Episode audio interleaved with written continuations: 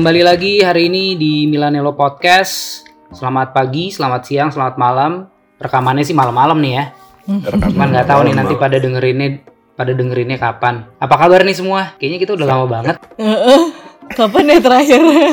Cuman di grup aja. Sempet ada yang sakit nih satu nih. Ada yang gak enak badan. Oh iya, sorry nih ya. Lagi nggak enak badan kemarin. Semoga lekas sembuh ya Cul. amin, amin, amin, amin. Hari ini nih bakal seru nih. Hari ini kita ngomongin apa nih jadinya nih? Kita ngomongin Mercato nih. Mercato nih ya. Liburnya udah kelar kan. Jadi gue mau coba ngurutin nih dari posisi dulu dan kita ngomongin yang in dulu ya. Yang out Ya. nantilah terakhir. Mm-mm. Tapi kita mulai dari eh, dari paling belakang. Kita kedatangan ya kita udah sempat bahas lah pemain ini Ya. Hmm. Eh, penggantinya 99 Mike Mike Nan dia permanen pembayarannya 13 juta euro Murah, dari. Lille itu angka yang cukup murah sih menurut gua Eh, kita bisa lihat sebenarnya sebenarnya sih kalau buat yang nggak familiar sama Ligue 1 kayak gua bisa lihat waktu match lawan mereka musim lalu kan Iya, yang kita dibantai. yang kita kalah parah dan dia beneran mainnya juga bagus gitu Ya, Ya. setuju. mainnya setuju. bagus eh, dua pertandingan pertama juga bagus walaupun akhirnya kebobolan nih di pertandingan kedua gimana penilaian kalian gue sih nilai dengan 13 juta terus permainan dia kayak gini nih bisa dibilang kayak 8 deh secara Hmm. rating untuk Iya. transfernya Lagi, lagi yang kebobolannya juga itu emang golnya gol susah sih sebenarnya. Sudut sempit Ya. juga. Jadi ya dan dia juga udah ngebaca arah bola sebenarnya tapi ya emang udah tera- bolanya terlalu deres dan terlalu kenceng ya susah juga sih emang. Dan Kalau Mbak punya- kasih angka berapa nih buat transfernya Mike McNan? delapan setengah sih melihat Wow, yang tinggi keluar jadi ini kan jadi cadangan terus eh, dia juga good reflect good sense juga terus eh, pokoknya dia benar-benar tahu kalau pas dia yang hasil gol keduanya kan itu dari umpan dia juga kan sebenarnya Ya. Ya, betul. dari umpan Betul. lambung- lambung tinggi gitu langsung disambut Calabria ya kalau nggak salah ya Ya. di crossing langsung jadi gol itu keren banget sih sedangkan dulu yang digantiin kan nomor 99 kadang orang udah pada lari ke depan dia malah iniin ke bawah gitu suka bikin kesel dia long ballnya Iya memang kurang sih distribusi eh, Distribusi mungkin kalau dia operan cepetnya mas membaik eh, apa ya clearance-nya juga sebenarnya membaik. Awal-awal kan dia juga lumayan kacau tuh dulu. Tapi ya bukti ya kita lihatlah nanti di Mm-mm. week ini dia main apa enggak nih? Masih teka-teki. ya kan masih teka-teki ya dan si Mike Nan ini Mike Nan ini kan bener-bener kayak keker banget gitu loh di bawah Iya, gawang secara bodybuilding, Hmm. ya body type gitu, dahsyat sih. lo gimana Andre lo Kalau gue sih solid banget, solid banget transfer Mike McNan ini 9 buat gue gitu. Gue salut ya.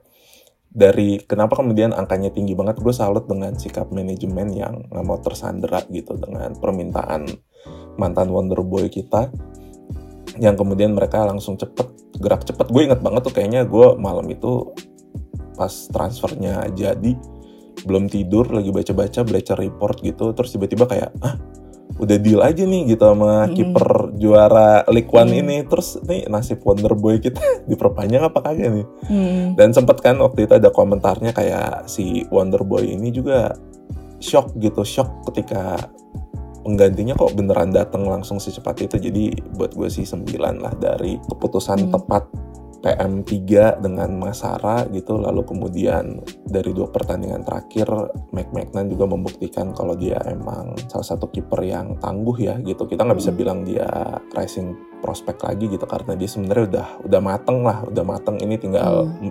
bagaimana kemudian dia bisa berubah nanti jadi goalkeeper star gitu itu tergantung dia aja tapi gue percaya dengan bimbingan Dida dia bisa sih untuk meraih status tersebut dan sebenarnya yang gue suka juga adalah kalau kita dapat kiper dari eh, ya Lille juara tapi kan sebenarnya mereka bukan klub elit lah Ya. Hmm. ya kan Setuju. jadi sebenarnya apalagi de- di Liga Prancis eh, ada dominasi PSG dulu Iya. sempat ada dulu sempat ada Monaco atau Lyon gitu ya tapi Hmm. Lyon juga udah lama banget Ya, Eh, gue liatnya kalau kiper yang dari klub yang bisa dibilang menengah Mm, udah dapat ujiannya banyak tuh pasti. mm, mm, Setuju. mm. Iya kan ujiannya udah banyak tuh. Sering Tekanannya gitu ya, Iya. tekanannya tuh udah mantap. Dan berarti dia mental juara karena dia berhasil juara di liga itu Iya. gitu. Mm, cukup mengejutkan tuh musim lalu. semoga nular ya Ke lini musim ini. berikutnya.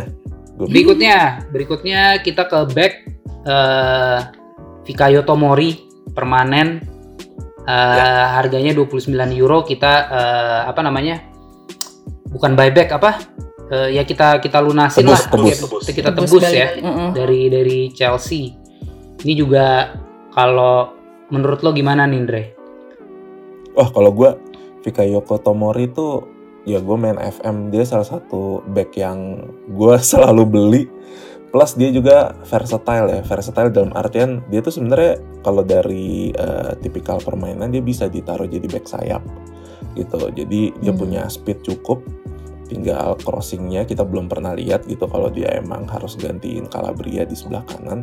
Nah sebenarnya yang gue pengen soroti adalah setelah pembelian Fikayo Tomori, gue akhirnya melihat kembali nih Thiago Silva gitu, sosok Thiago Silva yang kalau dia tipikal permainannya tuh yang lugas, terus kalau diajak adu speed juga dia bisa, terus body charge-nya juga bagus dan Thiago Silva juga dulu jarang cedera sama kayak Fikayo Tomori yang pas tengah musim kita pinjem dia bener-bener nggak pernah gue denger ada cederanya sama sekali gitu berarti itu kan Hmm. dari daya tahan juga dia lumayan bagus ya gitu nah sekarang tinggal bagaimana sebenarnya Fikayo Tomori apakah dia sefleksibel seperti Thiago Silva dulu saat kita Scudetto? Gue inget Thiago Silva sempat beberapa kali mainin peran jadi gelandang bertahan. Nah ini menarik karena gelandang ber double pivot kita sebenarnya tipis-tipis nggak tipis gitu tapi karena nanti ada Piala Afrika nah ini jadi salah satu yang harus disoroti apakah Fikayoko Tomori ini kalau Pioli mau coba-coba didorong ke tengah untuk nemenin Tonali atau nemenin Kurunik dia bisa nih Mm. meng apa tetap performanya seperti ketika dia bermain sebagai back tengah. Kalau angka gue suka banget sama transfer ini gue kasih angka 10. Icul gimana komentarnya kalau tentang Tomori? Tomori lumayan kalau Tomori lumayan oke sih karena dia bisa berbagai posisi juga. Dia waktu eh, pas pertama kali eh, masuk itu kan di bursa transfer Januari ya dia kan kalau nggak salah Ya, ya. betul. Dia bursa transfer Januari terus dia kan eh, ngegantiin posisi Kjaer kan waktu Ya. itu.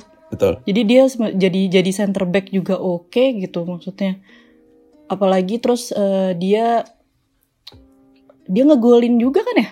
Ke gawang Juventus. Lawan Juve kan maksudnya mantep banget gitu dengan Ya. de- dengan posisi dia yang bisa di mana aja bisa ngegolin juga first setel apa first Englishman kan dia ngegolin ya, di akhirnya Milan ya, gitu. setelah Beckham Setelah Beckham. Mm-mm. Setelah Beckham.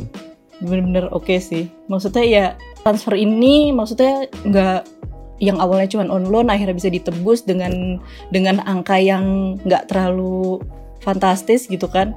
Tapi bisa ngebantu banget di lini belakang Milan. Mantep lah jadi overall 9 lah. Oke. Kalau lo, Gup, gimana? gue tuh memang dari pas musim lalu dia datang sebenarnya nggak ada terlalu ekspektasi tinggi Eh, sebagai pelapis aja gue tahu dia salah satu wonderkid di Chelsea walaupun eh, ternyata pada saat Chelsea kena transfer ban dia dicoba dia sempat gagal jadi gue liatnya justru pas dia ke Milan ini sebagai ajang pembuktian dia Mm-mm. Nah, tapi yang menyenangkan juga pas lihat Tomori itu sebenarnya bagaimana eh, dia bisa langsung beradaptasi di liga Ya. baru dengan bahasa baru. Eh, kita lihat gimana dia antusias eh, sama ya sama klubnya gitu karena Hmm. kita bisa bilang bahwa eh, ya Serie A itu kan sekarang dinilai memang di bawahnya IPL gitu kan. Ya. Uh, Jadi dia pindah ke sebuah liga yang uh, bisa dibilang kayak lebih rendah, uh, tapi tapi tetap termotivasi. Kita bisa lihat juga sebenarnya kayak uh, teman Englishman-nya juga kan yang di Roma Hmm. Eh, siapa namanya? Aduh, yang jadi back. Abraham. Mana? Bukan, no. Oh, so- Sebelumnya eh, backnya MU. Siapa namanya? Oh, yang ini, yang gondrong nggak? Iya, aduh, kok jadi lupa namanya. Ya maksudnya kan dia juga membuktikan diri bahwa eh, dia masih masih oke gitu, masih Hmm. oke di Roma. Eh, nah ini Tomori nih, gue suka banget sama speed, sama tacklingnya. Eh, gue lumayan suka ulang-ulang video dia tackling Ronaldo. Nah, dan dan dan bersih ya maksudnya ini bukan tackling Hmm. tackling yang terus sampai Ronaldonya sampai jatuh gitu enggak tapi emang bersih Uh, dan beneran jawaban dari uh, performa Romagnoli yang setelah cedera kan dia lebih lambat ya gitu Hmm. Ya. speednya belum balik Uh, jadi gue nilai sebenarnya ini pembelian yang memang harus melihat performa dia musim lalu jadi 9 Hmm. sih Mm-mm. gitu. Nah sekarang kita Mantap. beralih nih ke eh, pelapisnya Theo Hernandez. Ini Fode Baloture ya, permanen juga tapi costnya cuma 5 juta euro dari Monaco. Kalau gue lihat ini sebenarnya gue jujur gue nggak tahu. Eh, gue cuma tahu katanya dia juga tipenya agresif. Eh, udah itu aja sih jadi gue sebenarnya nggak bisa terlalu banyak menilai mungkin gue cuman kayak kasih karena dia juga cuman pelapis mungkin cuman 5 atau 6 kalau Icul gimana ngelihatnya sama sih maksudnya dari awal pertama kali dia datang aja nggak tahu jujur nggak tahu sama sekali. Belum pernah lihat juga dia main kayak gimana gitu kan Eh, dan saat sampai saat ini maksudnya Theo juga masih kokoh di posisinya dia. Apalagi habis baru main di timnas kan nih akhirnya dipanggil ya, akhirnya betul. dipanggil akhirnya eh, pelatihnya tahu value-nya dia gimana. Jadi ya enam lah. Karena ya berharap Theo nggak Theo nggak perlu digantiin gitu. Tapi Ya, tetap ya. dengan kompetisi sebanyak ini kita Iya, butuh pelapisnya harus. dia gitu betul, kan betul Hmm. betul betul, betul, betul. Mm. Kalau gue juga sama kayak kalian gitu, gue nggak familiar sama si pemain baru ini, kiprahnya seperti apa, tapi pasti ada alasan khusus lah kenapa kemudian Paolo Maldini dan Masara gitu beserta jajaran direktur yang lain mau gitu untuk transfer dia dan transfernya tuh nggak yang seperti formula biasanya Paolo Maldini kan pinjem dulu lalu nanti Hmm. ada obligation to buy atau option to buy gitu ini nggak Hmm. langsung langsung full jadi eh, langsung permanen jadi gua kasih angka 6 lah oke kita lanjut ini salah satu sebenarnya eh, bisa dibilang tadinya penerus kapten De Rossi Eh, cuman akhirnya mungkin karena cedera dia beberapa kali Hmm. dipinjemin eh, namanya Alessandro Florenzi. Eh, Ya. Ini dia salah satu yang pakai formula formulanya Maldini dan Masara loan with option. Ya. Costnya sekarang pas kita loan itu satu juta, eh, nanti optionnya di 4 juta dari AS Roma. Gimana menurut lo. Andre? Wah, kalau gue ini eh gue agak ragu awalnya dengan Florenzi karena usia ya. Usianya dia Hmm. kan udah usia 30 tahun gitu dan Hmm. dia memang mantan wonderkid tapi ada sejarah cedera yang menurut gue bikin dia kehilangan sedikit ek- eksplos eksplosivitasnya Hmm. gitu. Dia dulu dikenal banget gitu pelari lah. Sekarang sih udah gue nggak tahu gue ngelihat juga larinya juga udah nggak sekenceng yang biasanya gitu. Tapi Hmm. ini penting karena kita sebenarnya butuh yang mateng gitu untuk di sebelah kanan kalau seandainya Davide Calabria cedera atau kena Mm. suspensi karena sebenarnya kesayangan gue Kalulu itu musim kemarin dicoba di kanan walaupun meyakinkan tapi sering sekali bikin bun- blunder Hmm. gitu. Nah tapi kenapa kemudian Kalulu nggak dipinjemin ini juga masih jadi misteri ini. Gue harap sih sebenarnya Kalulu masih bisa berkembang gitu. Dia nggak melihat kedatangan Florenzi ini sebagai pesaingnya dia, tapi ini justru menjadi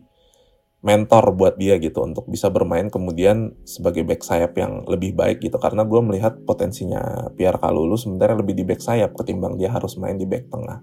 Hmm. Jadi kalau Florenzi transfernya 7 menurut gue. Silakan. Icul? Eh, sebenarnya kemarin waktu dia akhirnya dimainin itu dia nggak jadi nggak jadi fullback kan dia Nggak jadi fullback, jadi wingback. Nah, dia jadi wingback kan terus eh dia emang kemarin itu nggak begitu terlalu nggak begitu terlalu kelihatan ya yeah. nggak nggak seper, nggak seperti dia di PSG gitu terus uh, belum terlalu kelihatan mungkin tapi seperti yang udah gue bilang uh, somehow I have a faith with Italian defender gitu terus hmm. um, mudah-mudahan sih tra uh, transfer dia nantinya akan membaik kita ya sekarang dua pertandingan belum terlalu kelihatan dan dia juga masih jadi substitute gitu kan. Ntar uh, mungkin bisalah kayaknya ke depannya dia lebih uh, ini lagi dengan pengalamannya dia gitu kan. Dengan pemain berpengalaman. Terus gue lihat juga gue lihat kemarin uh, sebenarnya awal musim itu kan Milan itu jadi pemain yang rata-rata usianya termuda kan Iya, iya. Gitu. Nah, 24 dia, tahun. Uh, uh, sekarang dengan adanya dia gitu-gitu naik kan jadi 26 tahun kalau nggak salah. Hmm. Uh, uh. Uh, jadinya emang sebenarnya nggak bagus juga sih kalau misalnya satu tim itu cuman pemain muda semua tanpa ada pemain yang berpengalaman gitu. Jadi gue berharap sih pengalaman dia yang dia bawa di sini gitu. Ya. Kalau gue juga sama liatnya uh, Florenzi ya. ini uh, dia akan bawa banyak pengalaman apalagi dia juga main di salah satu klub yang uh, top ya gitu ya di PSG uh, yeah. terus dia pengalaman main di kompetisi Eropa juga banyak uh, eh, gue nggak bener-bener lihat dia sebagai penggantinya eh apa pelapisnya Calabria sebenarnya mungkin akan lebih banyak hmm. dia jadi wingback atau bahkan jadi penggantinya uh, Salamaker tadinya tapi kan kemudian Mesias yeah. datang, yeah. tapi Mesias sepertinya akan bisa menempati dua posisi tuh. Sayap sama penggantinya yeah. Dias gitu kan. Kalau kita lihat rekornya mm -hmm. dia. Uh, uh, nah, jadi mm. kalau Florenzi itu beneran gue beneran liatnya uh, dia versi versi kayak versi KW-nya versi level keduanya Ibra dalam hal untuk bawa pengalaman sih gitu ke pemain-pemain uh, muda okay. ke pemain-pemain muda kita gitu Uh, mungkin dia gayanya juga beda dari Ibra ya, tapi nggak semua pemain butuh kayak Ibra kan gitu. Kalau kalau yeah, ada iya. tiga, empat, lima orang kayak Ibra, gue rasa juga akan rusak timnya gitu. cukup satu yang selalu orang satu aja satu aja udah kena mental kan? uh, uh, cukup satu yang emang selalu teriak-teriak bisa teriak-teriak bisa kayak marah-marah di lapangan gitu uh, bah atau bahkan di pinggir lapangan gitu nah dia nih mungkin akan bawa pengalaman tapi dari sisi uh, ya udah dia lebih kalemnya gitu sih. Jadi yeah. gua harap ya. pemain-pemain yeah. muda kita juga banyak belajar dari dia. Kita bisa 4-4-2 juga dengan ada dia. Nah, betul. Hmm, kita bisa main sayap murni jadinya. Kayak gitu. Jadi ya sebenarnya ya ini ini ini akan jadi satu hal yang bagus juga gitu karena kita sekarang mainnya udah bukan di Europa League. Kita bakal betul. ketemu banyak tim yang mungkin secara gengsi sebenarnya kita di atas mereka tapi secara pengalaman uh, ya kita udah lama nggak di Champions League gitu. Iya. Betul. Gitu. Oke, kita beralih nih ke pemain baru tapi rasa lama. Uh, Timo Bakayoko, two year uh, two year loan with option. Uh, apa udah dibayar 2 juta uh, optionnya nanti di 15 jadi mungkin kalau kita tebus bakal jadi 17 ya ini hmm. satu yeah, lagi yeah. dari Chelsea Masih akan ada lagi nih dari Chelsea nih nanti kita kalau ke bawah nih. Gimana, Gimana Ya lagi-lagi Chelsea udah jadi kayak klub supplier kita ya sekarang. jadi supplier kalo, klub kalau AC Milan AC Milan pengusaha warteg Chelsea yang nyuplai daging ayamnya nih. Iya mungkin. Benar-benar. Seperti yang udah dibahas sebelumnya gitu ya. Dia dia pernah bikin error di Chelsea terus jadi blessing in disguise buat kita gitu kan. Jadi yeah. blessing banget buat kita bisa dapetin Bakayoko yang sebenarnya di Milan itu dia gue ngeliat dia cukup brilian gitu. Yeah. nggak pernah ngelakuin kesalahan yang berarti gitu kan. Maksudnya juga dia bisa uh, bagus lah. Menurut gue 8 sih transfer dia kalau gue nih lihat Bakayoko sebenarnya gue agak worry-nya lebih ke performa dia di Napoli. Tapi kemudian gue, yeah. gue diingetin juga bahwa uh, terlepas dari rasa cinta gue terhadap Gattuso, Gattuso itu secara yeah. taktik memang dia belum uh, belum matang lah gitu. Yeah. Dia memang yeah. bisa semacam membakar semangat pemainnya, pemain yang kita lihat dulu uh, di Milan uh, bisa menunjukkan juga rasa antusiasmenya begitu uh, ya Gattuso kalau lagi seneng kan kayak apa tuh kita tahu ya kan. Yeah, yeah. Uh, tapi ya itu dia mungkin waktu di Napoli ya gitu uh, keterbatasan uh, masalah taktiknya Gattuso tuh memang selalu yang jadi uh, jadi permasalahan utama kan selama ini yeah. gitu. Jadi semoga apalagi uh, Bakayoko tuh berkali-kali menunjukkan kecintaannya terhadap Milan Nah, uh, setuju. Yang ya, terus dia pernah golin di derby, jadi ya uh, gimana ya, gue suka sih sama Bakayoko dan toh dia juga sebenarnya uh, bukan jadi pemain utama gitu, uh, dia akan jadi pelapis. Jadi gue nilai ini tujuh sih gitu. Kalau lo gimana, Andre? Hmm. Kalau gue agak lebih tinggi ya gitu. Kenapa? Karena mungkin ini berkaitan nanti dengan pembahasan kita yang lainnya gitu. Menurut gue Bakayoko transfernya itu seperti banyak ditulis oleh media semacam state, bold statement dari manajemen kita gitu kepada il presidente kita yang belum perpanjang kontrak gitu sampai sekarang. Kalau lo mau cabut, cabut aja. Gue udah punya penggantinya nih. Gue pinjem hmm. 2 tahun. Kalau bisa itu cabut-cabut aja. Kita misalnya nggak nggak tebus Bakayoko kita juga masih punya Pobega di itu yang sedang dipinjemin ke Torino ya kalau nggak salah gitu jadi ini tuh semacam bold statement dan gue seneng gitu dengan gayanya Maldini, dengan gayanya Masara. Mereka tuh nggak pernah mundur ketika digertak gitu. Itu yang emang level level pemainnya juga emang mereka juga ketika jadi pemain Maldini terutama levelnya tuh emang berbeda dari yang lain gitu. Secara karisma, secara keputusan, secara leadership juga tipe-tipe yang kemudian oh kalau digertak balik gue nggak masalah gitu klub ini lebih besar dari siapa pun. Kalau misalnya kemudian Il Presidente nggak mau perpanjang kontrak, ya udah. Gue sih lebih berharap sebenarnya Il Presidente kemudian nggak usah dimainin setahun gitu. Gue pengen lihat gitu.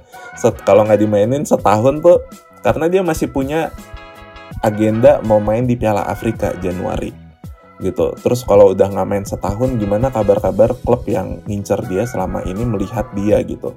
Karena main bola itu kan bukan sesuatu yang oh setelah lo absen berapa lama lo main bola lo udah langsung bisa jago lagi. Nggak kayak gitu gitu. Apalagi kemudian tipikal si Il Presidente ini main berdasarkan tenaga gitu berdasarkan body charge berdasarkan kemudian daya jelajah.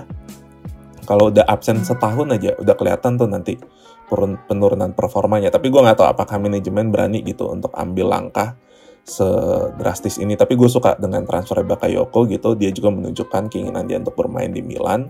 Performa dia selama ini nggak pernah mengecewakan jadi gue kasih angka 8 untuk transfer Bakayoko. Tapi tadi Indra gara-gara lo bahas Maldini dengan dia nggak bisa digertak gue tuh langsung nggak tahu kenapa pas lo bilang Maldini nggak bisa digertak kebayang uh, pertandingan waktu Milan Juve uh, Maldini masih main Kiel ini masih yeah. muda dan dia sempat giniin Kiel ini. Dan yeah, kita yeah. jarang kita jarang banget lihat Maldini tuh bereaksi cukup keras sebenarnya di lapangan hmm. ya. Dan secara body kan Kiel ini lebih tinggi dari Kiel ini 190 hmm. berapa gitu. Pas lu ngomong gitu gue langsung keinget itu gitu. Dan gue kadang-kadang suka masih muter ulang gitu cari di YouTube gitu. Yeah. Kayak uh, pandangan lu menarik sih Indri tentang tentang tentang Bakayoko tapi uh, gua justru merasa ini ada di uh, pemain berikutnya malah. Uh, jadi oh, pemain okay. berikutnya itu uh, Yacin Adli permanen. Oh, okay. uh, dia loan back one year. Uh, costnya itu 8 8 million euro uh, with bonuses. Uh, bonusnya kita belum tahu lah. Mungkin kayaknya yeah. uh, kesukses, kesuksesan untuk lolos ke Championship lagi atau misalnya juara liga gitu ya dia dari Bordeaux ini cukup menarik nih kalau buat gue ya. Yeah. Uh, sama sebenarnya ini bukan pemain yang yang yang yang gue gue tahu dia mainnya seperti apa.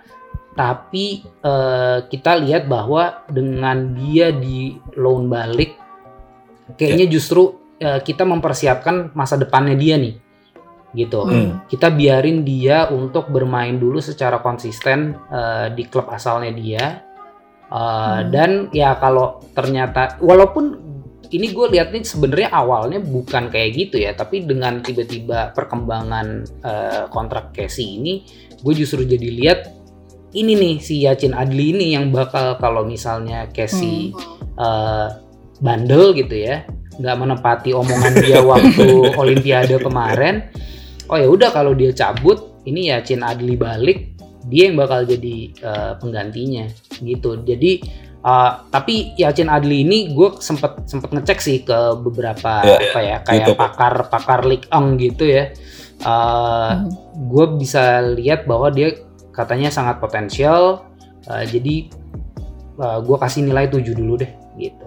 Dan gue suka Sampai gimana uh, dan gue suka gimana dia dipinjemin lagi ke klub uh, ke Bordeaux gitu ya. Jadi supaya hmm. itu biar konsisten dan pertumbuhan dia growth-nya uh, akan naik terus grafiknya. Icul gimana ngelihatnya Icul? Betul. Sebenarnya jujur aja gue benar-benar nggak nggak ngikutin sama sekali mengenai si Yacin Adli ini. Benar-benar gue nggak pernah ngeliat dia main bener kayak gimana yeah. gitu ya.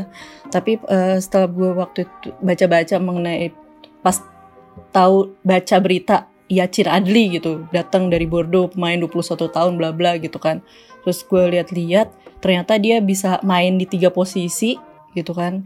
Yeah yang sebenarnya kalau gue lihat-lihat nih sekarang maksudnya Maldini juga ngelihat uh, mungkin belajar juga kali ya dari musim-musim lalu gitu dia mungkin lebih sekarang ke pemain-pemain yang bisa main di beberapa posisi gitu eh, karena mm -mm, karena emang ya itu Milan tuh selalu nggak tahu kenapa hokinya jelek banget ntar baru-baru beli ini cedera, beli itu kena covid apa gitu kan maksudnya. Jadi mungkin emang sengaja dibeli yang bisa main di beberapa posisi. Terus uh, ya kita lihat aja sih makanya gue belum bisa komen banyak mengenai pemain Bener ini. tuh kata Icul tadi. Andre bahwa ya. apa ya terutama musim lalu sih musim lalu tuh cukup stres. Hmm. Waduh kacau asli pembelian pembelian Januari tuh nggak hmm. ada yang nggak ada yang berhasil menurut gue.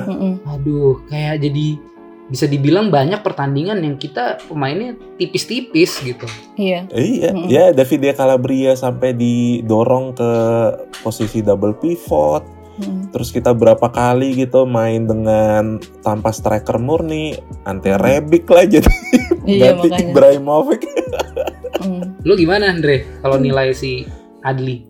Nah, ini si ya, Chen Adli ini tuh kayak bener-bener rumornya kan sempat ada terus abis itu redup gitu. Terus setelah itu kok tiba-tiba langsung jadi. Gue juga heran gitu. Maksud gue angka 8 juta itu bukan angka yang cukup kecil ya gitu untuk seorang pemain yang sebenarnya kontraknya udah mau habis gitu satu tahun gitu. Hmm. Jadi kepercayaan Paulo Maldini dan Masara ini ke pemain muda ini menurut gue cukup menarik nih untuk diikuti di masa depan. Apakah memang kepercayaan kedua direktur teknik ini hmm. bisa terbayarkan gitu dengan investasi yang menurut gue cukup lumayan gitu 8 juta hmm. sebenarnya kalau kita mau cari gelandang yang lebih siap pakai gue yakin pasti masih bisa ketemu gitu tapi kenapa hmm. kemudian kita berinvestasi 8 juta dan kemudian dipinjemin kembali gitu di mana kita sebenarnya kalau kata orang-orang kan klub kita lumayan ketat nih hmm. pengeluaran gitu sen pun dihitung gitu dengan Ivan Gazidis jadi CEO hmm. gitu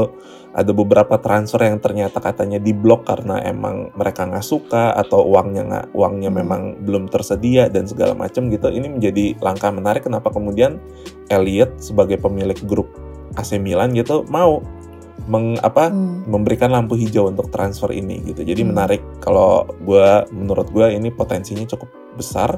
Jadi gue kasih angka 7,5 untuk transfer Yacin Adli ini. Oke, nah ini kita lanjut ke pemain berikutnya.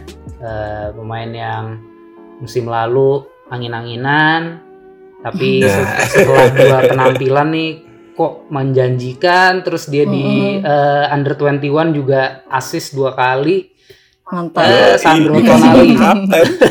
Ban kapten. Sandro Tonali secara permanen. Nah ini dia nih costnya 10 juta. Itu kita udah bayarin musim lalu.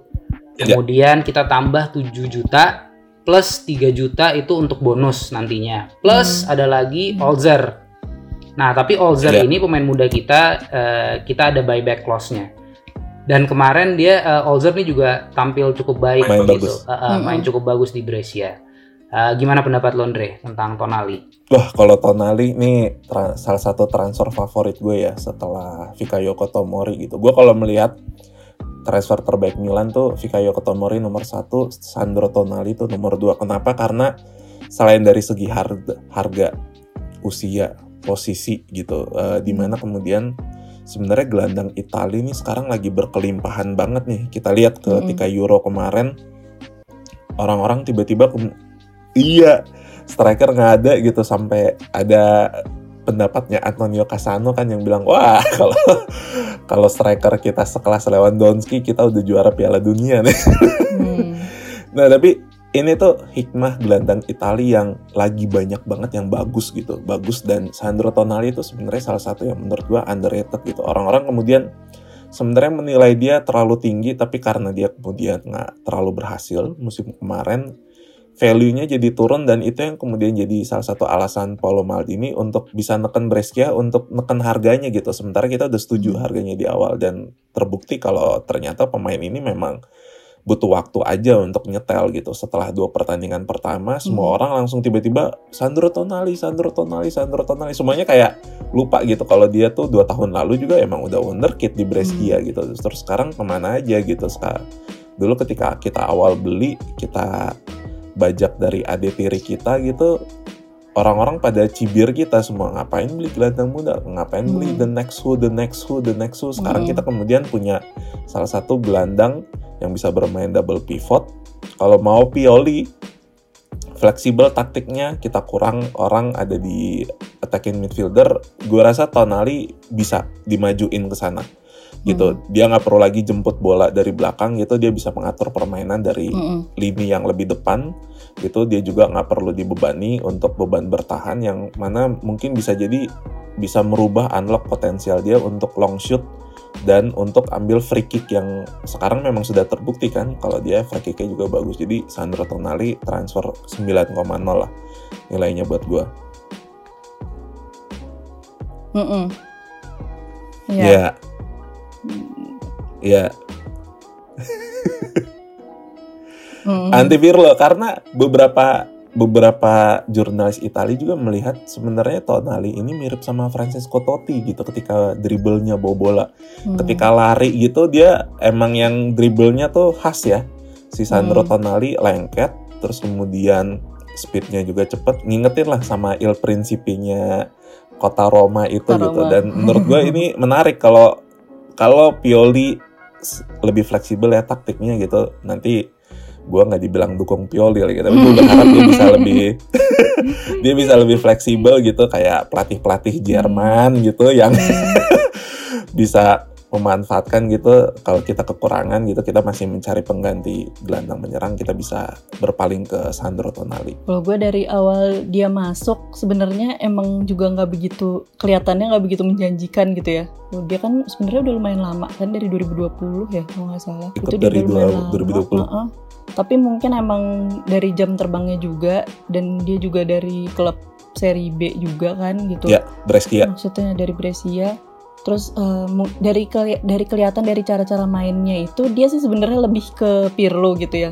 Yeah. Cuman dia kan emang uh, favoritnya kan Gattuso. Gattuso. Jadi dia mainin posisi Gattuso juga kan gitu sebenarnya. Yeah. Defensive midfielder gitu. Tadi sebenarnya udah dibilang juga sama Mas Gupta. Jadi emang lebih kelihatan lebih enak tuh sebenarnya dia di attacking midfielder gitu karena dia tuh rajin banget juga ke depan ya, terus overlapping. Uh, ya overlapping gitu-gitu. Sebenarnya emang seben kalau ngelihat dribblenya dia juga terus lihat finishingnya gitu-gitu dia emang sebenarnya lebih bagus di attacking midfielder sih kelihatannya gitu. Mm -mm, jadi transfernya delapan setengah lah untuk Tonali. Semoga dia lebih performanya lebih baik lagi musim ini yang udah kelihatan juga di dua pertandingan awal gitu kan. Jadi kalau gue sih juga sama liatnya uh, kalau musim lalu tuh uh, Tonali memang hanya sebagai pelapis ya gitu. Ya betul. Jadi uh, ya memang menyebalkan ya dengar suara-suara sumbang di luar sana yang kayak wah mana nih Tonali yang digadang-gadang jadi the next Andrea Pirlo. Andrea Pirlo. Tapi kan memang uh, musim lalu dia banyak banget kesalahannya, terus sempat kartu merah hmm. kalau nggak salah lawan Parma ya kartu merahnya ya. Uh, ya banyak lah, banyak banyak kesalahan dari passing sampai masalah interception, tackling gitu yang kelihatan bahwa uh, dia belum biasa nih main dengan sistem double pivot gitu. Dia ya. uh, dia biasa memang di belakang sendiri gitu kan. Uh, nah, mm. cuman kita bisa lihat bahwa uh, ini membuktikan terutama ya kalau di media sosial tuh uh, semua serba cepat, semua serba instan dalam arti memberi ya. judgement. Yeah. Uh, kita bisa lihat gimana dulu uh, Benacer sama Casey terutama ya. Yeah. Kalau yeah. Benacer, Benacer tuh mungkin satu musim, ya kan? Sama kesalahannya sama, salah oper. Uh, Benacer beberapa kali kartu merah di paruh yeah. pertama, yeah. di paruh pertama musim pertama dia. Hmm late, iya kan? late tackling mulu dia. iya, late tackling mulu. Wah udah deh, kelar deh pokoknya. Kita juga sama waktu itu diledekin kan gitu. Uh, Casey tuh Casey tuh lumayan lebih lama loh. Uh, sampai akhirnya dia performanya bisa tiga tahun bagus. kita nungguin gitu. dia tiga tahun dan beneran ngaco kita bisa lihat lah kita bisa cari videonya Casey ngaco tapi sekarang Casey kayak apa gitu jadi uh, sebenarnya memang ya kita nggak boleh lupa bahwa dia juga muda nih gitu. Yeah, orang masih yeah. muda belum pernah di klub uh, sebesar ini gitu. Jadi uh, eh, gue senang sih lihat perkembangannya Tonali. Uh, gue senang juga dengan transfernya. Uh, gue bisa kasih 8 terutama karena Maldini nggak tahu kenapa kok bisa maksa malah jadi lebih rendah padahal udah ada iya, perjanjian yeah, sebelumnya yeah, di musim lalu. Hmm. gitu. Ah Oke, kita berlanjut ke Nah. Ini dia nih, Junior Messias. Loan with option. Costnya 2,6 uh, ada optionnya 5,4 sama 1 juta untuk bonus dia dari Crotone. Kita dengar dari Ico dulu nih, gimana pendapatnya? Icul ini yeah, pecinta Crotone ini. tim tim keduanya Icul tuh Crotone. Tim keduanya ya dari Milan ya. Uh, kalau ngelihat si Mesias ini dia Brazilian ya. Yeah. Kalau sama di Milan kan juga maksudnya punya good history good history lah sama Brazilian gitu.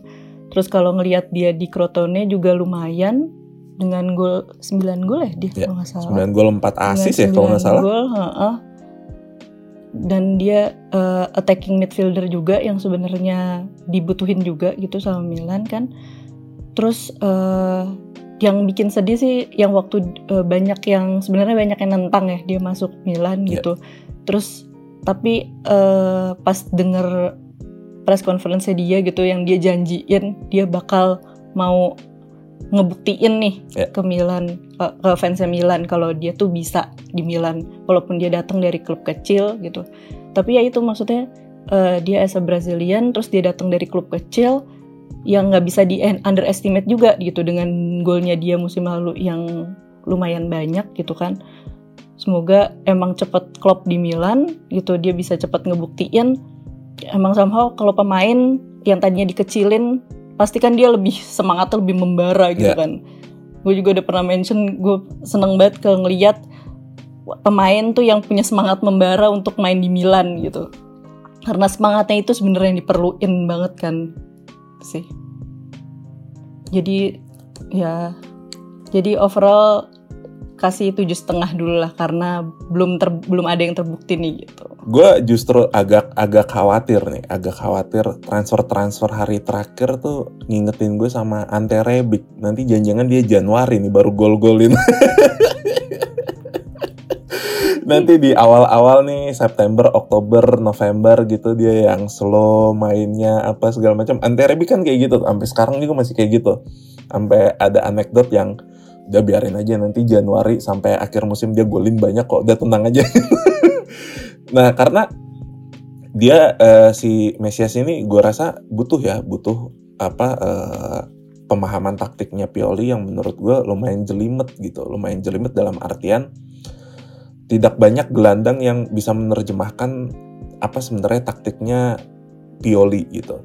Ada beberapa yang kemudian menurut gue yang agak bikin garuk-garuk gitu kenapa dia mesti kayak dulu lah keputusan untuk Hakan Calhanoglu ketika Ibrahim Diaz masuk kenapa Hakan Calhanoglu kemudian digeser ke kiri gitu. Sementara Ibrahim Diaz yang badannya lebih kecil yang ditumpukan pemain lebih banyak tetap dipaksa di attacking midfielder gitu. Apa yang kemudian dilihat itu juga salah satu yang bikin gue garuk-garuk kepala taktiknya Pioli. Nah Mesias ini bisa gak nih adaptasi secepat itu dengan taktiknya Pioli? Apalagi kemudian hmm.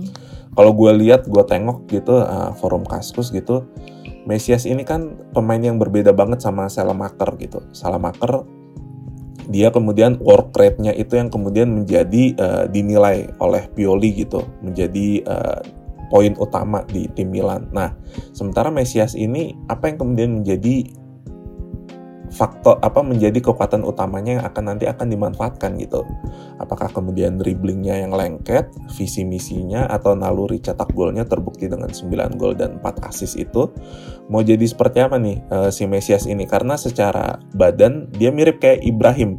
Ibrahim kemarin gue lihat lebih mainnya bukan attacking midfielder tapi second striker gitu. Dia lebih kepada manfaatin ruang apa uh, ruang terbuka yang diciptakan oleh Olivier Giroud gitu. Jadi dia bisa menyusup di situ lalu bisa menciptakan coming from behind, bisa menciptakan gol waktu itu di pertandingan pertama. Nah, apakah Mesias juga akan seperti itu ataukah bolanya akan lebih banyak di kakinya dia gitu seperti kita dulu punya Suso. Nah, ngingetin banget kan tuh kaki kiri ditaruh di sebelah kanan terus kerjaannya cuman cutting side cutting side cutting side cutting side tendang cutting side hmm. oper nah seperti itu nanti ya kita lihat aja gue sih berharap Mesias bisa membuktikan kalau dia patut untuk berkostum Milan gue juga nonton videonya sama kayak Icul gitu hmm. gue juga kayak terenyuh gitu oh ini orang ternyata umur 25 tahun ya baru mulai hmm. jadi pemain profesional gitu jadi yeah. kebayang dia udah ngerasain banget lah dari bawah kayak apa gitu sampai kemudian baru bisa dikasih kesempatan mentas di salah satu klub terbesar di Italia gue berharap ini bisa jadi pembuktian buat dia untuk nilai transfer gue kasih nilai tujuh setengah kalau gimana kalau Pak Bupta? Iya mengingatkan gue sama Carlos Baka gitu yang dulunya nelayan terus dia juga cukup telat jadi pemain profesional dan hmm. Carlos Baka sebenarnya bisa dibilang di awal-awal kan cukup sukses ya di Milan. Ya, uh, ya. Intinya adalah uh, willingness to work hard gitu loh. Dia dia dia mau bekerja hmm. keras. Dan apalagi sebenarnya buat buat Mesias nih ini semacam pembuktian juga kan pembuktian berikutnya. Kayaknya kalau kita lihat secara mental nih orang sebenarnya bakal kuat. Cuman masalah gimana adaptasi dia terhadap taktiknya aja sih. Kalau kalau terhadap negara ya dia udah main di Crotone. Uh, jadi kalau buat gue sih saat ini uh, Mesias nih sebenarnya enam setengah dulu sih enam setengah dulu kita hmm. lihatlah gimana uh, tapi kalau dari berita pembuktiannya uh, ya kalau dari berita yang gue baca nih dia lagi berusaha diburu-buru supaya siap buat masuk squad lawan Lazio nih kayaknya dia dia nggak fit belum fit gitu ya semoga hmm. kita bisa lihatlah sedikit-sedikit waktu lawan uh, Lazio, waktu kemudian Liverpool, kemudian habis itu Juve ya kan. Nah ini pasti kita akan butuh bantuan dia juga nih, gitu. Enggak, betul, betul, gitu. Jadi ya itu tadi gue enam setengah. Nah ini ada sedikit kejutan tapi uh, ini kita mungkin pernah lihat dia sebentar dan emang dia cuma main sekali di Parma. Kita sempat beli nih namanya Caka Traore. Ya. Yeah. permanen. Pemain muda. Ya harganya cuma enam ratus ribu Uh, tapi euro ya, bukan rupiah. Uh, pakai bonus dari Parma. Ini gue kalau gue lihat waktu pertandingan lawan Parma sebenarnya memang kelihatan bahwa dia dia nih bisa jadi eksplosif. Tapi ya udah cukup di situ. Iya. Dengan pemain muda kita sebenarnya nggak pernah bener-bener tahu kan uh, perkembangan dia seperti apa. Uh, ya kita lihat aja lah dia di Primavera nanti akan seperti apa ya mm menu-menuhin home ground gue nah ini kayaknya buat home ground aja sih gitu.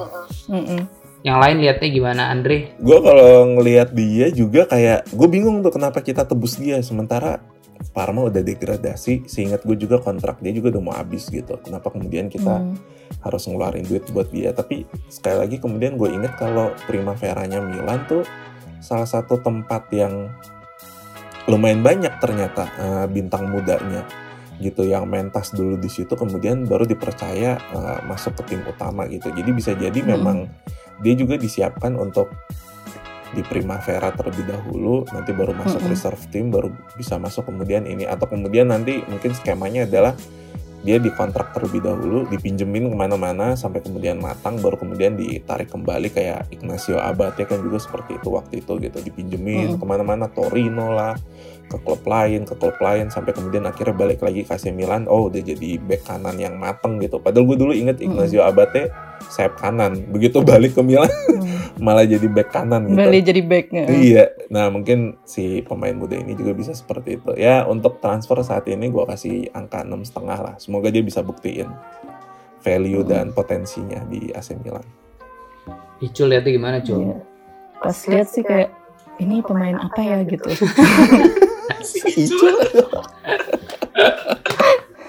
Pas dilihat nggak taunya oh buat di Primavera dulu gitu kan. Maksudnya ya dengan kayak Enrico Chiesa itu cuy dari Parma itu. Iya. Aduh. Tapi di kiri ya kalau nggak salah dia ya, lebih fokus hmm. di kiri. Fokus Terus, di kiri bukan di kanan. Ya mungkin uh, manajemen Milan ngelihatnya mungkin dia ada potensi terus uh, ditaruh di Primavera dulu untuk dapat cukup banyak uh, menit, bermain. menit bermain gitu ya jadi mungkin untuk uh, investasi dulu mungkin saat ini dilihatnya oleh manajemen gitu karena kan ya siapa tahu gitu kan ternyata mereka emang udah ngelihat potensinya jadi saat ini gue kasih enam setengah dulu deh karena bukan untuk tim utama juga. Wah, kira kita semua sama nih, bertiga enam setengah. nah, kita ke pemain berikutnya, pemain yang tingginya hanya sedadanya Zlatan Ibrahimovic, uh, yaitu mini mini mini Zlatan kalau kata mini dia. Zlatan. nah ini sebenarnya ini agak unik nih untuk untuk dia uh, kita loan loannya tuh dua tahun tapi hmm. with option jadi kita bayar 3 juta kemarin. Kemudian optionnya kalau kita mau bikin permanen itu di 22 juta. Tapi Madrid bisa buyback seharga 27. Jadi kalau dilihat sebenarnya uh, ya nanti secara secara mar margin sebenarnya cuma 2 euro karena kan kita 22 ditambah 3 25 tuh ya. Mm-hmm. Tapi Madrid yeah. bisa ada buyback. Uh, tapi gimana uh, Icul liatnya kalau Brahim Diaz nih? Brahim Diaz makanya kemarin juga itu udah sempat mention ya kayaknya maksudnya uh, happy juga gitu. Akhirnya uh, Madrid bisa ngelonggarin dikit gitu kan. Sempat yeah. tadinya sempat tadinya sempat kayak wah kayaknya sih nggak bakal dilepas nih sama Madrid gitu kan. Betul. karena ngelihat potensinya dia dan emang progresnya dia di Milan juga cukup lumayan bagus gitu kan. Terus uh, ngelihat di dua pertandingan terakhir dia juga brilian banget gitu. Terus cepet beradaptasi anaknya gitu kan. Jadi dari gue sekarang dia transfernya nilai transfernya 9 sih.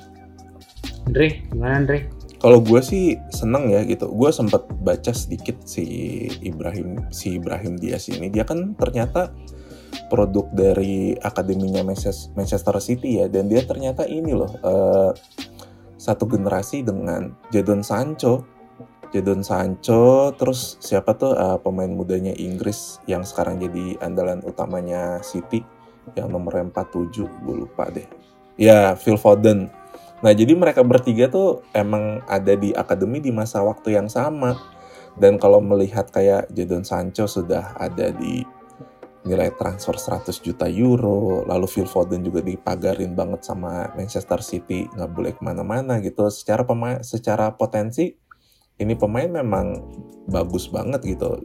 Pep Guardiola juga mengakui gitu kalau dia nyesel ketika itu lepas ke Real Madrid. Tapi dia bilang hmm. waktu itu adalah uh, ayahnya si Ibrahim ngomong kalau ya mau gimana pun juga sama kayak Gerard Pique dulu di MU gitu. Mau gimana pun juga nih anak pasti bakal balik-balik ke Spanyol hmm. gitu. Jadi lo nggak bakal bisa tahan dia, lo nggak bakal bisa bikin dia tergiur dengan sepak bola Inggris dan segala macem uh, duit ada di sana gemerlapnya IPL gitu lo nggak bakal bisa padahal udah pasti dia balik lagi ke Spanyol ternyata Brahim balik ke Spanyol nggak pernah dapat kesempatan baru kemudian bersinar di AC Milan gue berharap sih AC Milan akan tebus dia ya tebus dia lalu gue melihat manajemen mengasih kepercayaan begitu besar dengan Brahim dengan nomor punggung 10 yang disandang dia.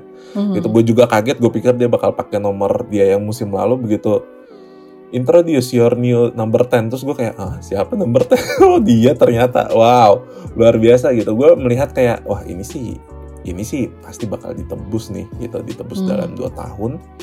Nah tapi kemudian kalau tadi Pak Gupta sempat ngomong tentang buyback clause-nya nah gue agak bingungnya adalah apakah kemudian kalau di buyback clause pemain itu harus nurutin si buyback buyback clause-nya gitu? Apakah kemudian kalau misalnya dia nggak mau ditransfer apakah dia bisa bilang enggak gitu? Nah itu jadi jadi kalau buyback itu sebenarnya sama kayak si ini sih sama kayak Tomori kan kemarin di kontrak itu buy, uh, untuk nebusnya kan 29 dan Milan sebenarnya yeah. sempat beberapa kali coba nawar nggak mau.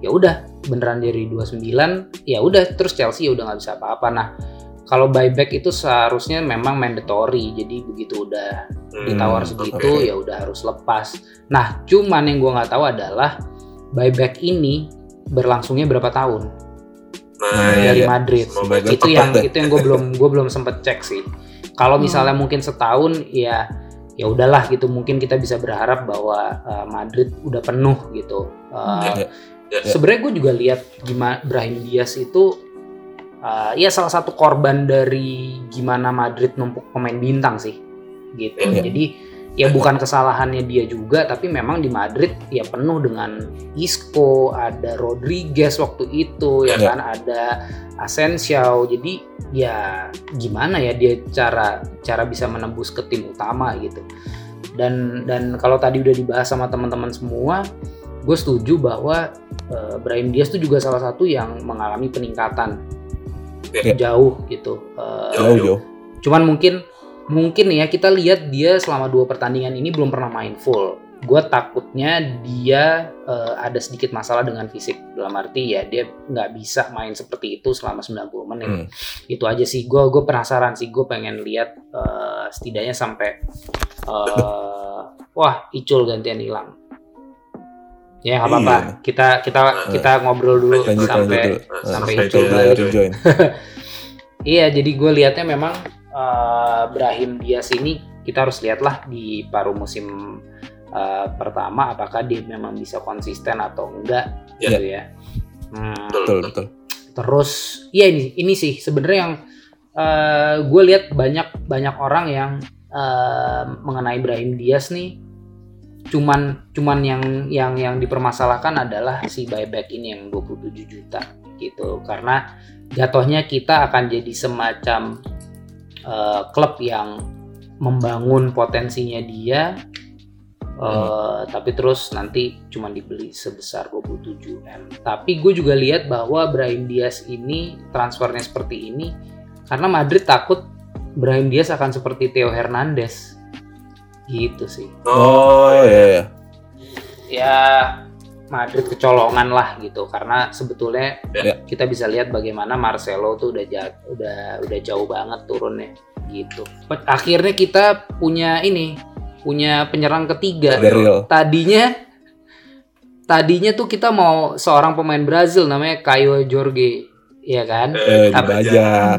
Tapi dibajak sama Juve. Cuman uh, ini gini, gue mau nanya sama Andre dulu. Cuman gue sebenarnya pengen ngetawain sesuatu sih tentang Kayo Jorge ini. Coba Andre dulu tapi bahas Pietro Pellegrini loan with option bayarannya yeah. cuma satu juta nanti optionnya tuh 6 juta nah Pietro Pellegrini salah satu wonderkidnya Italia ya gitu salah satu wonderkidnya Italia uh, pemain termudanya Genoa yang kemudian main uh, sebagai uh, masuk di pertandingan Serie A gitu dia bermain. Salah satu pencetak gol termudanya Genoa juga sih ingat gue gitu. Karena kita dulu mesra banget sama Genoa ingat Mattia mm -hmm, Destro? betul betul betul. Iya kita juga dulu sempat main kesukaan lu kan yang dari Genoa? Bertolacci. Mattia Bertolacci ya Allah. Itu udah ke Liga Turki tuh sekarang Bertolacci asli Nah, uh, Petro ini tuh dulu zamannya si Adriano Galliani dia udah mau beli tuh gitu. Zamannya kita masih mesra-mesranya sama Genoa gitu. Sekarang akhirnya kejadian di zamannya Paolo Maldini. Nah, kalau gue melihat petualangan Pietro Pellegrini ini di League One gitu, gue kasihan sih sama dia gitu. Kasihan dia terus-menerus didera cedera. Gue nggak tahu ya dengan gue belum sempat lihat gitu uh, deretan cedera dia tuh sebenarnya apa aja gitu. Tapi menurut gue dengan pengobatan modern saat ini seharusnya dia bisa ya main untuk normal kembali gitu. Kita lihat uh, pemain pemain yang cedera SCL aja tuh bisa kembali lagi sebenarnya Nah, Petro ini tuh kenapa kemudian terus-menerus cedera nih, League One gitu. Itu yang masih jadi misteri hingga saat ini. Apakah dia seperti kalau kalian tahu anekdotnya Arjen Robben, Arjen Robben tuh katanya sering kedinginan di Liga Inggris. Makanya dia pakai long sleeve gitu biar otot-otot dia nggak ini, akhirnya dia nggak rutin cedera lagi. Nah, apakah itu yang kemudian terjadi? Ya kita nggak tahu juga. Tapi gue seneng sih. Bener Dre tadi poin lo yang tentang tentang Robin ya, begitu dia ke Bundesliga sebenarnya dia kayak ya udah masih tetap top yeah. aja kan gitu. Nah, hmm. si pas dia di Bundesliga dia pakai ini gue long jam. Lo kalau lihat si kostumnya Arjen Robben kan dia pakai short sleeve tapi kemudian ada lengan panjang yang nyatu sama badannya dia itu yang kemudian katanya jaga badan dia tetap hangat gitu itu yang kemudian bikin otot-otot dia nggak gampang cedera nah balik lagi ke si pemain muda ini gue seneng kita akhirnya invest ke striker muda gitu. Ini sesuatu yang kita butuhin banget. Bagaimana kemudian gue berharap dia bisa nerusin lah uh, Filippo Inzaghi. Dia bisa kemudian nerusin catatan uh, striker AC Milan dari Italia yang cukup berhasil gitu. Nah tapi, tapi AC Milan dulu ada loh yang ini pemain Italinya yang berhasil lumayan lah. Pipo Inzaghi. ya, selain Pipo Inzaghi ada juga zaman yang si trio Belanda kan. Nah, Daniel Masaro itu juga salah satu yang oke okay lah gitu. Nah, eh, balik lagi ke pemain muda ini. Gue rasa dengan angka segitu tergantung dengan catatan gol dia nih kalau catatan gol dia cukup meyakinkan gue rasa AC Milan akan tebus. Tapi kalau kemudian dia golnya di bawah 10 agak sulit nih AC Milan untuk bisa tebus dia. Karena jujur kita main di tiga kompetisi dia mungkin bisa jadi nanti bisa jadi starter di Copa. Nah hmm. ini penting nih untuk dia bisa manfaatin kesempatan kalau dia udah starter di Copa. Gimana bisa ubah itu menjadi gol atau assist atau sebuah performa yang cukup baik gitu. Nah, kalau gue kasih angka nilai cukup 7 untuk transfer ini. Gimana kalau Mbak Icul? Jujur, uh, eh, gue nggak begitu terlalu banyak uh, tahu mengenai uh, pemain hmm. ini karena dia di Monaco juga kan, nggak nggak yeah. nggak ngikutin sama sekali Liga Prancis gitu. Terus uh, tapi kalau ngelihat dia ini pemain muda, terus dia striker dan dia di timnas juga lumayan lumayan aktif, maksudnya selalu selalu hmm. dipanggil kan dia di timnas itu di ya. U21 sekarang juga dia mulai tahun lalu itu juga udah mulai dipanggil skuadnya Mancini gitu kan. Jadi sebenarnya emang tadi yang seperti Mas Andri bilang investasi sih emang gitu. Dan dengan banyaknya Milan sekarang pertandingan di Coppa, di UCL, di Serie A gitu emang harus ada sih pelapis striker juga gitu. Dan dia setelah gue baca itu dia idolanya Zlatan Ibrahimovic ternyata. Wah dari poster hmm, sih mirip ya emang iya nah baru gitu. itu baru tadi gue mau bilang uh, striker kan kita jarang sebenarnya yang posturnya tinggi gede gitu kan selain Zlatan hmm. gitu. Jadi ya semoga aja dia bisa mengikuti jejak idolanya lah gitu. Ya kalau Pellegrini sebenarnya agak agak uh, kalau dari sejarah ya cederanya dia nih cukup problematik ya gitu. Cuman uh, mungkin kita lihat bahwa dia masih muda dan masih ada kesempatan untuk uh, membuktikan dirinya gitu karena memang dia dulu dianggap sebagai salah satu uh, masa depan uh, striker masa depan Italia lah gitu ya. Uh, sama gue juga liatnya uh, bahwa dia bisa jadi pelapis, dia akan lebih sering main di Copa, tapi juga pada saat kita misalnya se sebelum atau setelah main di Champions League, mungkin justru dia yang akan jadi bukan bukan pemain yeah. utama, tapi justru misalnya uh, misalnya masuk dia malah cadangan. jadi uh, masuk sebagai cadangan. Uh, dari bangku cadangan uh, misalnya gantiin Ibra atau gantiin Jiru atau bahkan kalau misalnya kita butuh kejar gol gitu uh, kita bisa masukin dia. Uh, terus gue juga liatnya bahwa hmm, apa ya striker kita kan striker gaek semua nih gitu. Uh, hmm. yeah. Ibra di Oktober udah mau 40, uh, Jiru juga berapa 35 ya?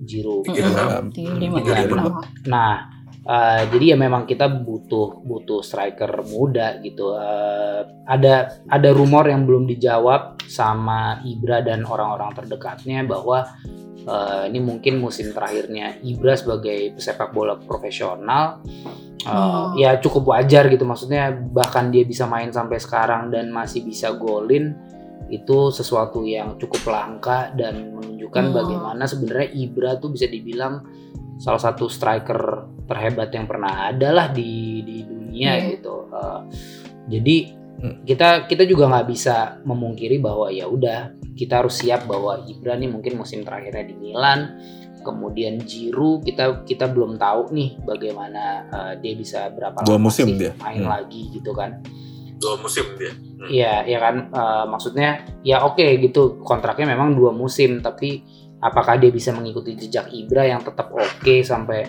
uh, mendekati 40 uh, ya kita udah mulai harus mikirin kan gitu uh, penggantinya mereka gitu. Yeah. ya taruhlah misalnya nih uh, musim depan Ibra Ibra beneran pensiun. Uh, Jiru masih oke okay untuk jadi striker utama tapi striker keduanya siapa gitu? Iya. uh, ya ini Pellegrini salah Ada satu tuh pilihan. dari Torino udah mau habis selain kontraknya. Torino udah mau habis kontraknya oh iya. Tapi gimana ya? Gue tuh lihat dia di Italia tuh melempem banget. Maksudnya Immobile melempem. Terus dia juga nggak bisa memanfaatkan kesempatan itu gitu kemarin waktu di Euro. Jadi gue nggak tahu sih nih kalau kalau Belotti mungkin untuk di Serie A nya oke okay, tapi kalau untuk Champions League gue nggak tahu deh nih. Mm-hmm, apakah uh, uh, ya sedangkan Belotti aja di timnas saja nggak begitu bagus loh kaget gue. Yeah. Hmm, jadi emang bener-bener gila di di Serie A serem banget kayak gitu begitu keluar dikit lah kenapa begini dia gitu kan kayak Padahal ya, padahal kan Belotti di timnas Italia gelandangnya lebih bagus daripada di Torino. iya, bener. Jauh, jauh. Bener, beneran, jauh banget. Iya. Beneran, maksudnya ya itu tadi kan lu sempet sebut juga Andre di awal gimana Italia tuh lagi banyak banget di anugerahi gelandang-gelandang top gitu kan saat ini yang masih muda atau bahkan yang udah mateng kayak Jorginho gitu kan dan Verratti. Verratti hmm. juga sebenarnya relatif masih muda tapi udah hmm. pengalaman udah banyak banget. Cuman dia nggak nggak berhasil. Itu yang yang gue agak ragu sih sebenarnya. Hmm. gue malah tetap tertariknya Vlahovic tuh kalau misalnya nggak dibajak. Vlahovicnya Fiorentina. Iya kalau dia nggak dibajak sama ya klub-klub udah kayak Atletico dan ya klub-klub yang udah lebih inilah secara ekonomi uh, lebih mapan gitu ya. Hmm. Ya untuk kalau balik lagi ke Pellegrini sih pada akhirnya ya gue nilai transfernya saat ini enam setengah sih gitu. Kita lihatlah hmm. apakah dia bisa uh, membuktikan dirinya uh, di Milan musim ini. Hmm. Gitu. Terus kita lanjut nih ke pemain terakhir uh, Olivier Giroud. Banyak juga, banyak juga ternyata ya. Banyak kita banyak banget. Iya, ini ini sebenarnya pemain yang kita bisa dapat secara gratis tapi Chelsea uh, perpanjang kontrak dia jadi kita harus bayar 1 m. Satu juta. Aduh dan ini pemain terakhir lah uh, yang datang dari Chelsea. Kalau gue liatnya uh, eh, gue tuh dulu waktu dia di Arsenal gue sering banget gol-gol aneh. Iya gol-gol aneh tapi gue sering banget ngeledekin teman gue sih kayak uh, apaan nih Jiru modal ganteng doang gitu. Sekarang kasih iya kan?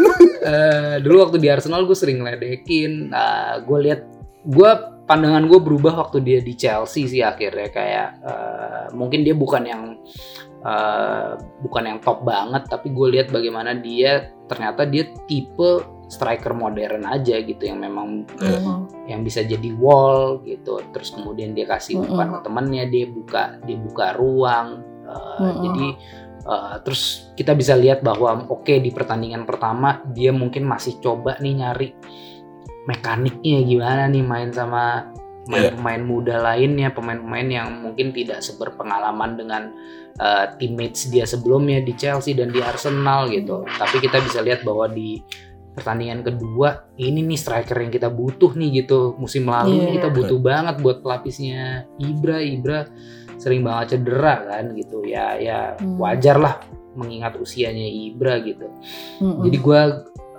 nggak perlu banyak berkata-kata tentang Giroud ya gue nilai dia delapan setengah Kalau menurut gue pas dia ke Milan sebenarnya gue seneng karena dia eh, striker berpengalaman gitu ya. Terus eh, dan dia melanglang buana juga di di Liga Inggris gitu. Mungkin udah saatnya emang eh, Milan itu butuh seperti yang tadi Mas Kupto udah bilang gitu, butuh eh, striker modern gitu loh. Karena selama ini kan maksudnya kebanyakan tuh yang bikin gemes itu dari Milan bola udah deras dari belakang terus somehow di depan tuh mandek gitu gitu bikin gemes aja gitu kan maksudnya. Itu tinggal di shoot kayak apa gitu suka bikin teriak-teriak sendiri gitu kan. Gitu cuman eh, pas kemarin ngelihat dua pertandingan awal gitu Jiro nah ini nih gitu. Udah gue mention juga kemarin gitu. Dia eh, bisa seperti yang tadi juga Mas Gota udah bilang dia bisa ngalirin bola juga. Dia jadi eh, pivot wall gitu. Bisa ngalirin bola ke kanan ke kiri gitu atau dia bawa sendiri langsung di shoot gitu gitu makanya emang ada bagusnya juga nih kita dapat striker dari klub Liga Inggris gitu yang yang udah terbiasa dengan bola-bola deras yang udah dia bisa langsung tahu gitu bolanya harus diapain nggak perlu dimandekin lagi gitu. Jadi ya ini masa masalahnya dengan Piantek kan gitu kan ya?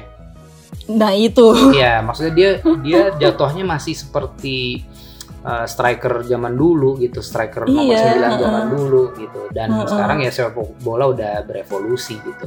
Eh, eh, udah nggak cocok gaya mainnya gitu. Jadi Jiro kasih 8 setengah lah.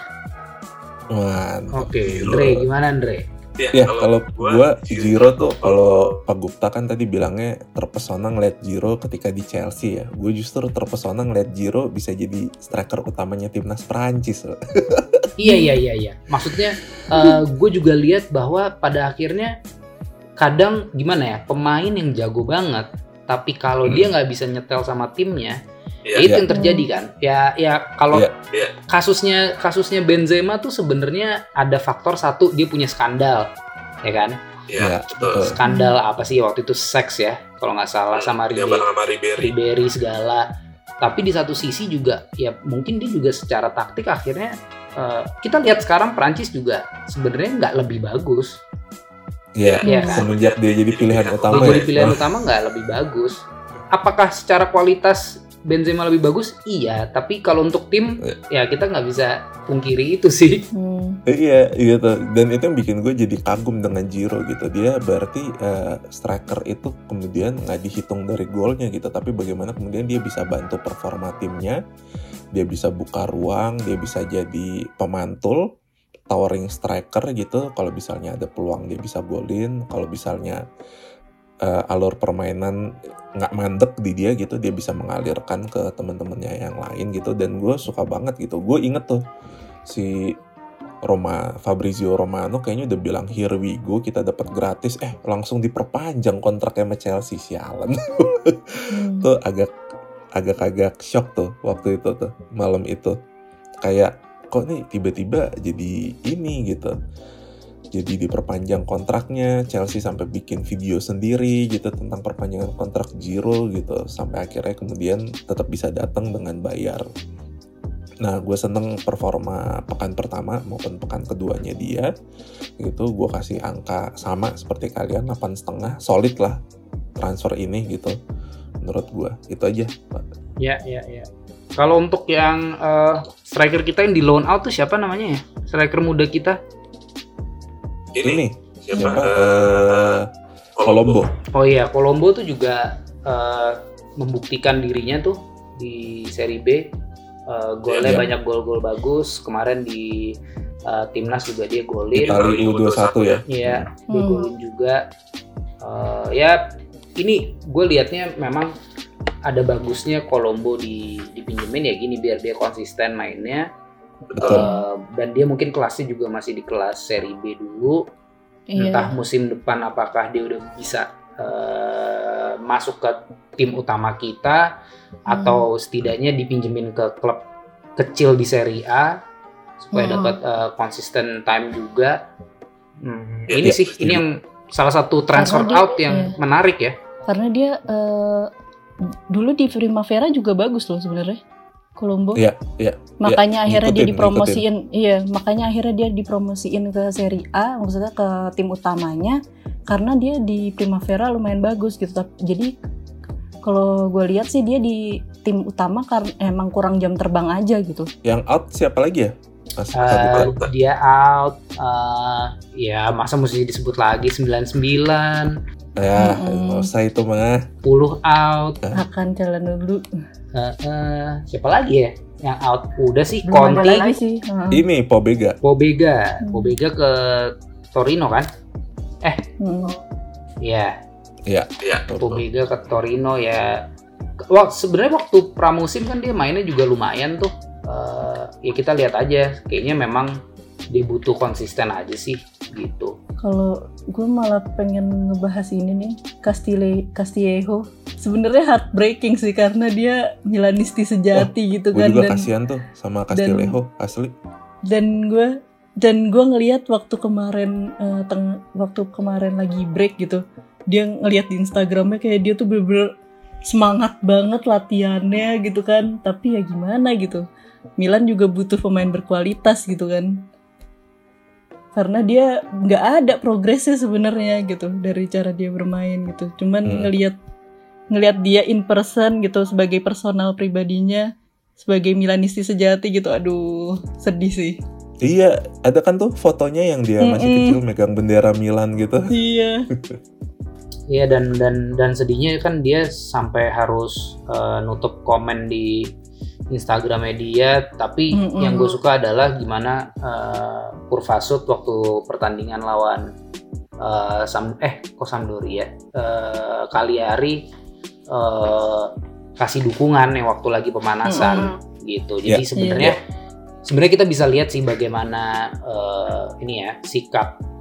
fans di media sosial sama in real life tuh kadang sangat bertolak Beda. belakang sih. Gitu. Iya. heeh. Sebenarnya yang fans Betul, di sosmed itu aja yang asal ngomong sebenarnya emang. Iya, ya maksudnya sebenarnya Betul, gini, betul, setuju. kalau ditanya apakah kita pengen dia cabut dan kita dapat pengganti yang eh, lebih bagus, ya jelas. Cuman maksudnya kalau kita udah sampai ngata-ngatain dia, eh, Mm-mm. ya beda ya kalau kita kayak lagi nonton TV terus kita kayak lihat dia bikin kesalahan terus bego gitu. Mm-mm. Sama eh, kita ke media sosialnya dia, ke akunnya dia terus kita komentar bego gitu itu itu hal yang Hmm. berbeda sih menurut gue. Iya. Jadi eh, ya ya ini ini kita bahasannya bisa sangat panjang nih positif eh, dan Hmm. negatifnya dari media sosial gitu kan. ini yang nggak dirasain sama pemain-pemain eh, pemain-pemain zaman dulu nggak rasain gitu. Tapi ya ya itu sih kalau ngomongin Castillejo cuman eh, sebenarnya ini yang perlu ada klarifikasi juga. Jadi kabarnya itu terakhir eh, dia tuh kan seharusnya dengan Getafe nih ya. Tapi Iya. katanya di menit-menit akhir dia tuh ganti agen.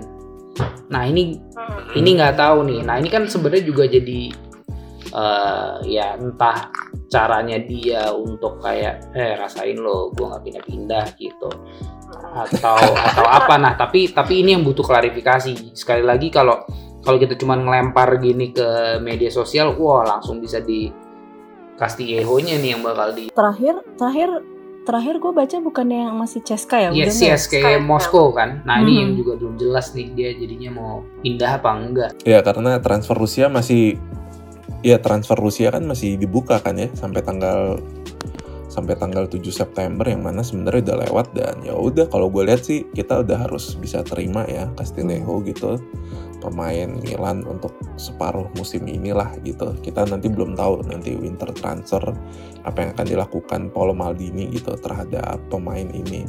Tapi gue sih jujur lebih kepada kasihan gitu kasihan dengan tingkah laku tifosi yang menurut gua wah gila. Sampai orang nutup akun sih berarti perundungan yang dialami kan dahsyat ya gitu.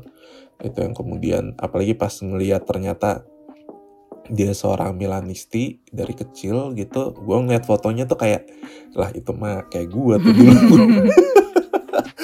Pakai pakai udah pakai uh, apa uh, jersey AC Milan terus megang apa megang pakai shawl lah segala macem. Ya jadi inget lah kita dulu juga kayak gitu Mm-mm. kan. Ketika awal-awal suka AC Milan gitu kita baru ngomongin itu di episode pertama dan kedua kita. Hmm. gitu jadi sayang banget.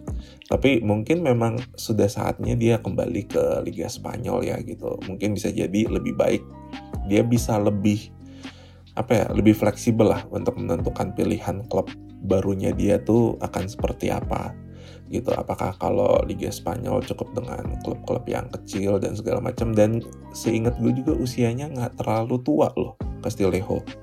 Gitu koreksi gue kayaknya dia belum sampai 30 tahun deh. Hmm. jadi dia heeh, dia masih bisa revive karirnya lagi gitu untuk bisa kembali lagi bagus. Jadi ini kesempatan sebenarnya buat dia untuk kembali lagi ke Spanyol nanti di paruh Hmm. Iya, dia umurnya baru 26, Dre. nah kan makanya. Sebenarnya dia masih punya banyak waktu lah untuk untuk untuk bisa ini ya bangkit lagi lah kayak waktu zaman dia di Villarreal gitu. dan seingat kita tuh dulu dia awal-awal datang kan bagus ya penampilannya. Iya, Si- mak- makanya kemudian? makanya kita berani jual Suso karena kita iya, lihatnya bahwa oh dia lebih oke nih gitu. Karena ya memang lebih Sus- ngotot Uh-uh. Hmm. Suso tuh ini sih memang di awal-awal Suso sangat baik gitu ya tapi ya kalau gue lihat faktor iklim di Milan waktu itu kan lumayan toksik ya Mm-mm. ganti-ganti presiden ganti pelatih Iya. Eh, pada akhirnya mungkin dia pun juga udah sampai titik jenuh bahwa ini Milan kok nggak balik-balik ya Iya. gitu jadi klub yang Iya. main-main main secara rutin di Eropa Hmm. gitu dan Suso udah dapat gelar Europa League ya Mm-mm. dengan Sevilla ya Sevilla kan memang ini ya memang klub langganan Europa League kayaknya Hmm. eh, Sama Atletico. dalam dalam beberapa tahun terakhir tuh juara terus Europa League Hmm. luar biasa sih Sevilla nih.